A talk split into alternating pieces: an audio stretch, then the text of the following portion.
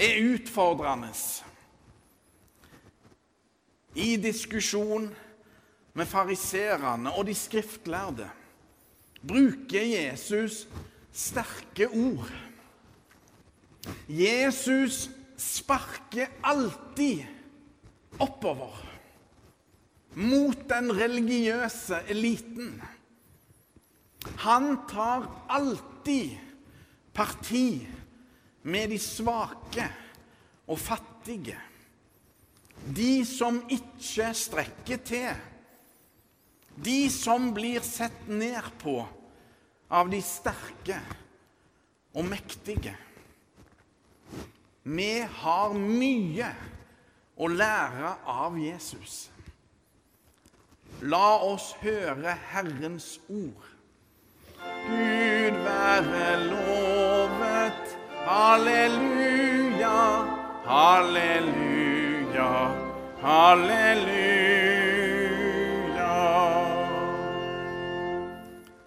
Det står skrevet i evangeliet etter Matteus. Jesus sa, ta et tre. Enten er det godt, og da er også frukten god. Eller det er dårlig, og da er også frukten dårlig. Treet kjennes på frukten. Ormeyngel, hvordan kan dere si noe godt, dere som er onde? For det hjertet er fullt av, det sier munnen. Et godt menneske henter fram godt av sitt gode for forråd. Et ondt menneske henter fram ondt av sitt onde forråd. Jeg sier dere, hvert unyttig ord som menneskene sier, skal de svare for på dommens dag. For etter ordene dine skal du kjennes rettferdig, og etter ordene dine skal du dømmes skyldig. Slik lyder det hellige evangelium. Gud være lovet. Halleluja, halleluja, halleluja.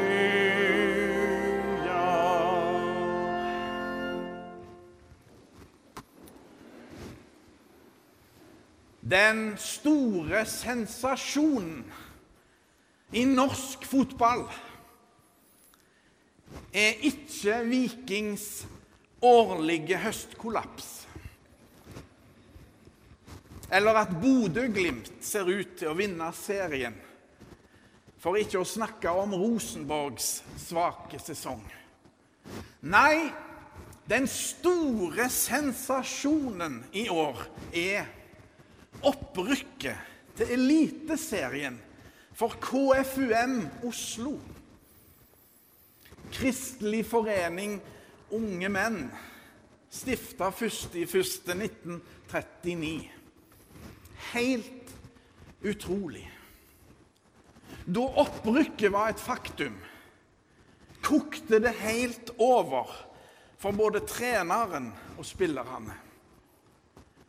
For de ble stående og banna og steika i sine jubelkommentarer direkte på TV. Og da må jeg innrømme at jeg ble litt lange i maska. Jeg hadde ærlig talt forventa meg mer danna ordbruk fra KFUM.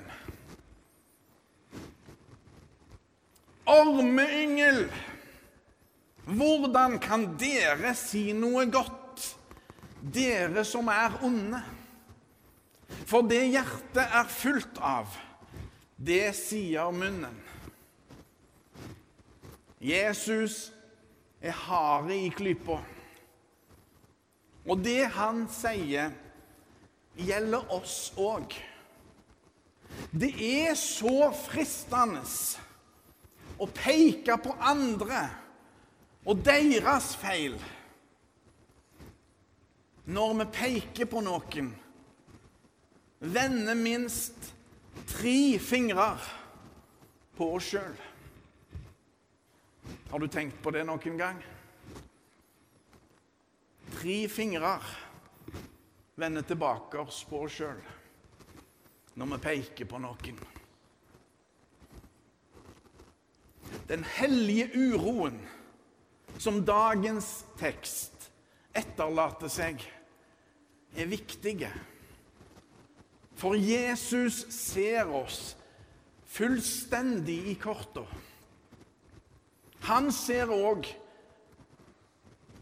det vi ikke er stolte av. Det som vi er flaue over. Jesus ser oss og avslører oss. Og Derfor tar han i bruk bilder for å sette det på spissen.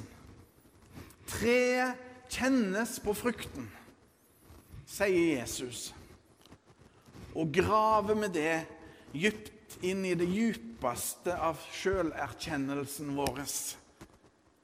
Resultatet er og blir at vi har lite å rose oss av. Ikke noen av oss. Den pene og blanke fasaden er iallfall lite å satse på. De sterke ordene fra Jesus jager oss fra skanse til skanse. Og til slutt er det bare vår Herre Jesu Kristi nåde og Gud vår Fars kjærlighet igjen å håpe på. Nåde er å få kjærlighet. Helt ufortjent. Absolutt ufortjent. Det gjelder å ta imot med åpne armer. Redningen er å finne hos Han som ser oss og avslører oss, men som elsker oss likevel, på tross av våre feil og mangler, dårlige frukt og unyttige og stygge ord. Ta imot brød og vin som gis oss i nattverden. Jesu kjærlighet er helt konkret i nattverden. Mange mennesker begynner i feil ende når det gjelder troen på Gud og Jesus. Mange er opptatt av hva de skal gjøre for å arve evig liv. Jo, det er viktig å gjøre, men det er altså så lett å begynne i feil ende. Vi starter med det aktive og tenker aldri på det passive. For å arve det kan du ikke gjøre. Du må være. Du må være arving. Noe du er født til å være. Det er altså en balansegang mellom det passive og det aktive. Og noen verb kan bare være passive. Det blir helt feil og snu de om til å bli aktive. Aktive verb. Det er umulig å si å døype seg. Man blir døpt. Passivt. Like galt er det å si å konfirmere seg. En blir konfirmert. Passivt. Og det verste jeg har hørt, og det er til og med av en voksen mann Han sa å begrave seg, det er komplett umulig. Det eneste er å begrave seg i arbeid eller i bekymringer. Og det er iallfall ikke sunt. Gud har gjort oss til det vi er Guds barn. Hva måtte dagens dåpsbarn Millie gjør for å bli døpt? Ingenting. Hun ble båren inn her i kirka. Hun ble tatt fram til døpefonten. Og så ble hun døpt, frelst, berga inn i Guds store kongedømme. Takket være Jesus. Han som har åpna himmelen. Jesu triumf over døden og djevelskapen betyr fribillett.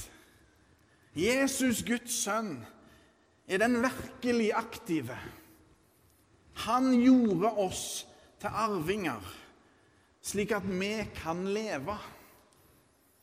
Og så skal vi være aktive, vi òg, med å hjelpe de som trenger oss. Tilbake til den store sensasjonen i norsk fotball. KFUM Oslos opprykk til Eliteserien. Supporterforeningen til Koffa, som den kalles, denne klubben, kalles for Profetene. Og på et innslag i sportsnyhetene på TV fikk vi høre at en av deres sanger på tribunen er bordverset 'Gledens Herre'. Det syns jeg var morsomt. For da kom han tydelig fram mot kulturen som KFUM Oslo virkelig representerer, inn i norsk fotball. Det skal bli artig å følge med på hvordan de klarer seg neste år. Dagens dåpsbarn, Millie, kan være trygge på at Jesus han som er gledens herre, alltid vil gå sammen med henne. Millie vil aldri være alene, for det har Jesus lovet henne. Og se, jeg er med dere alle dager inntil verdens ende, ble det nettopp lest ved døpefonten. Dåpsløftet fra Jesus skal vi òg synge om helt til slutt i gudstjenesten. Aldri alene. Nei, aldri alene. Det er et tydelig løfte fra den korsfestede og oppstandende Jesus Kristus, vår Herre. Og Jesu løfte gjelder oss alle. Ære være Faderen og Sønnen og Den hellige ånd, som var, er og blir en sann Gud fra evighet og til evighet. Amen.